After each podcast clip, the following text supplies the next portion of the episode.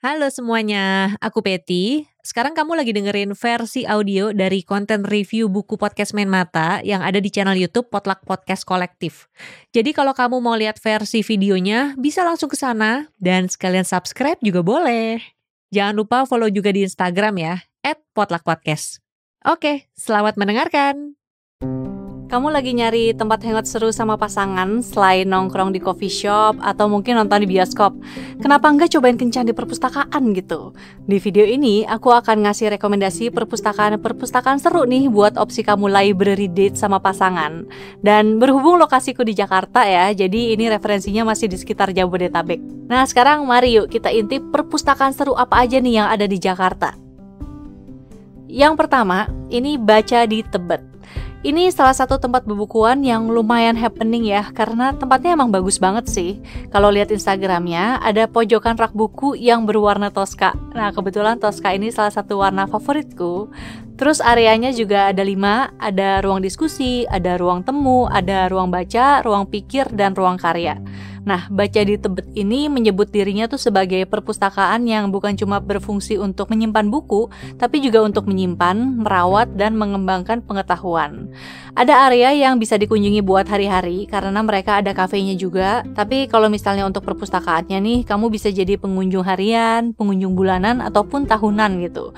Dan biayanya juga terjangkau menurutku ya. Pengunjung harian itu kena sekitar 35.000 per hari, kalau bulanan itu 100.000 dan tahunan itu 600.000 ini khusus pelajar dan mahasiswa.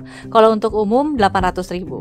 Baca di Tebet sesuai dengan namanya, lokasinya ada di sekitaran Tebet dan kamu bisa cek Instagram Instagramnya di @baca-di-tebet.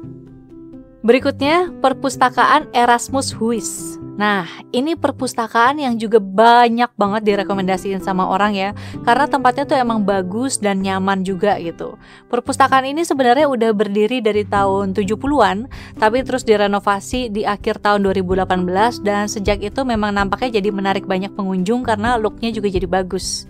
Karena Erasmus Swiss ini lokasinya di area kedutaan Belanda, jadi memang buku-buku yang ada di sini tuh kebanyakan berbahasa Belanda. Nah, dari sumber yang aku temukan di kompas.com ya, jadi buku berbahasa Indonesia dan Inggris itu jumlahnya ada sekitar 25% dari total buku yang ada di sini. Not bad lah ya. Serunya kalau ke sini kamu bisa sekalian lihat pameran seni ataupun nontonin pertunjukan gitu kalau misalnya lagi ada jadwal. Nah, kalau kamu mau jadi member tahunan, kamu cukup bayar 30.000 itu dengan maksimal kamu bisa meminjam 3 buku. Ada juga yang 60.000 per tahun. Nah, ini maksimal 6 buku. Kalau misalnya kamu pelajar, biaya membershipnya itu 15.000 untuk peminjaman 3 buku dan 30.000 untuk peminjaman 6 buku. Murah kan? Nah, Erasmus Swiss ini berlokasi di wilayah Kuningan. Instagramnya di @erasmushuis underscore Jakarta. Yang selanjutnya, Perpustakaan Nasional. Nah, ini juga kayaknya wajib deh kamu kunjungin karena ya namanya aja Perpustakaan Nasional gitu. Dan dari yang ku baca di detik.com nih, katanya ini tuh perpustakaan tertinggi di dunia. Jadi gedungnya sendiri tuh terdiri dari 24 lantai dan sebenarnya di gedung ini juga ada macam-macam fasilitasnya. Perpusnas sendiri memang sering jadi tempat untuk banyak event kebudayaan. Koleksi buku-buku fisik yang ada di Perpusnas ini bisa kamu lihat mulai dari lantai 7, tapi katanya lantai yang paling ramai itu lantai 21 sama 22 karena memang koleksi buku fisik terbanyak tuh ada di lantai ini. Terus kalau ke perpusnas kamu wajib banget ke lantai 24 karena ini lantai paling atas gitu ya. Jadi di lantai ini kita bisa ngeliat pemandangan kota Jakarta nih dari atas. Di lantai ini juga disediakan sofa-sofa yang nyaman banget buat kita baca atau kerja. Nah sayangnya sih memang waktu aku ke perpusnas aku melewatkan nih mampir ke lantai 24 ini. Jadi belum sempat lihat langsung hasilnya kayak gimana. Kalau misalnya ada dari kamu yang udah pernah lihat nanti kasih tahu juga gimana kesanmu di kolom komen. Buat kamu yang belum pernah ke sini, kalau misalnya ke sini langsung aja bikin kartu anggota itu di lantai 2 Abis itu kamu bebas muter-muterin setiap lantai yang ada. Nah perpusnas ini lokasinya di wilayah Gambir Instagramnya itu di @perpusnas.go.id Berikutnya ada Gute Institute Tempat ini tuh dikenal sebagai lembaga kebudayaan Jerman yang cukup sering bikin acara ya, mulai dari pemutaran film sampai juga diskusi-diskusi kebudayaan. Terus yang sepertinya nggak terlalu sering dibahas sama orang, Gute ini juga punya perpustakaan yang nyaman banget. Karena lembaga kebudayaan Jerman memang mayoritas bukunya tuh berbahasa Jerman, tapi mereka juga punya versi terjemahan bahasa Indonesia dan bahasa Inggris. Koleksi genrenya juga cukup bervariasi ya, ada buku fiksi, buku non fiksi, karya klasik, dan buku-buku anak juga ada. Ini selain buku-buku materi yang emang untuk orang-orang yang mau belajar bahasa Jerman ya. Gute Institute ini berlokasi di daerah Menteng, Instagramnya itu di @guteinstitute underscore. Berikutnya, ruang belajar Alex Tilaar. Nah, ini ruang yang cukup baru dibuka. Jadi tepatnya tuh pertama kali dibuka bulan Juni 2021 pas pandemi. Ruang ini dibuat untuk merawat pemikiran dari tokoh pendidik bernama Alex Tilaar. Nah, sebagai seorang pendidik, Pak Alex Silaar ini selain udah menulis beberapa judul buku, beliau juga mengoleksi banyak banget buku. Jadi koleksi pribadinya itu buku-bukunya ada sampai 10 ribuan buku lebih gitu. Dan tersedia untuk kamu baca di ruang belajar Alex Silaar ini. Terus selain ada ruang baca, di tempat ini tuh juga ada ruang kelas dan ada meeting room yang bisa disewa. Terus tentu saja ada juga coffee shop gitu ya buat kita ngopi-ngopi cantik sambil ngobrolin buku. Ruang belajar Alex Tilaar ini berlokasi di wilayah Menteng. Instagramnya itu di @ruangbelajar.alextilaar. Selanjutnya ada Aldo Zirzov Library. Kalau misalnya kamu pernah googling judul buku nih ya, pasti kamu pernah nyasar atau mendarat di sebuah website bernama goodreads.com. Ini tuh kayak semacam media sosialnya para pembaca dari seluruh dunia. Di Indonesia, Goodreads ini juga ada komunitasnya nih dengan nama Baca Itu Seru atau Komunitas Goodreads Indonesia. Dan Aldo Zirzov ini adalah salah satu pendirinya komunitas Goodreads Indonesia itu. Jadi Mas Aldo nih punya koleksi buku yang super banyak juga ya, makanya dia menyulap ruangan di rumahnya itu jadi perpustakaan bernama Aldo Zirzov Library. Dan perpustakaannya ini bisa dikunjungin oleh siapa aja, pokoknya tinggal janjian gitu.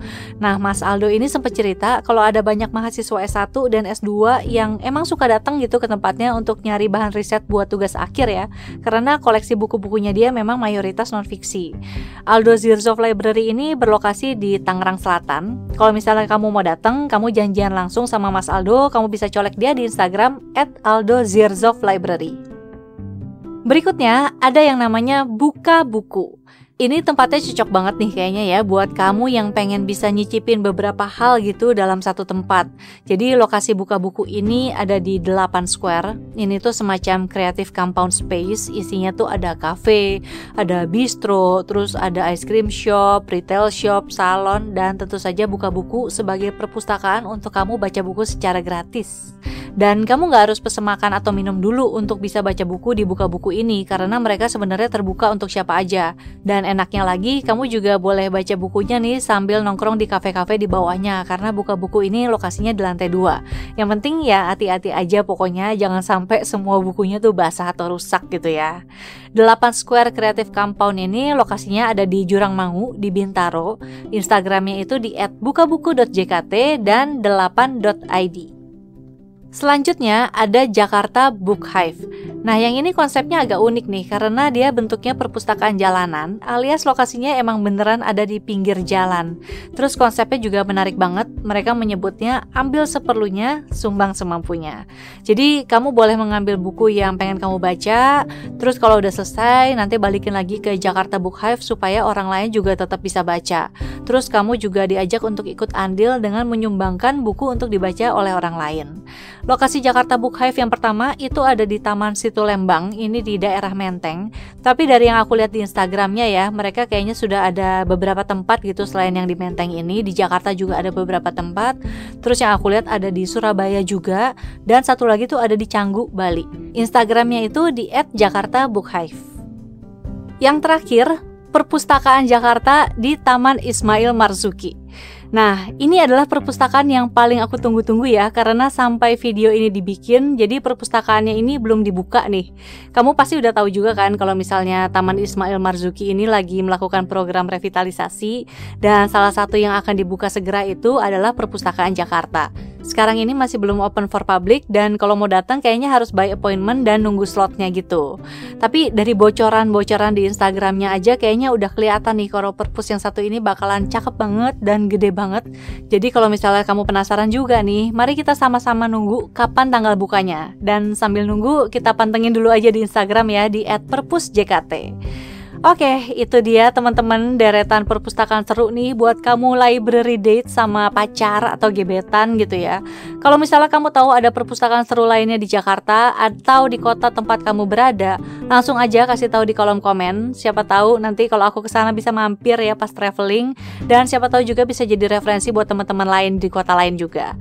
Oke, sekian dulu video kali ini. Terima kasih sudah menonton. Kalau misalnya kamu suka, boleh di like. Kalau tidak suka, di dislike juga tidak apa-apa. Tapi kalau kamu merasa video ini bermanfaat, share videonya ke media sosial biar teman-teman kamu yang membutuhkan juga bisa menonton.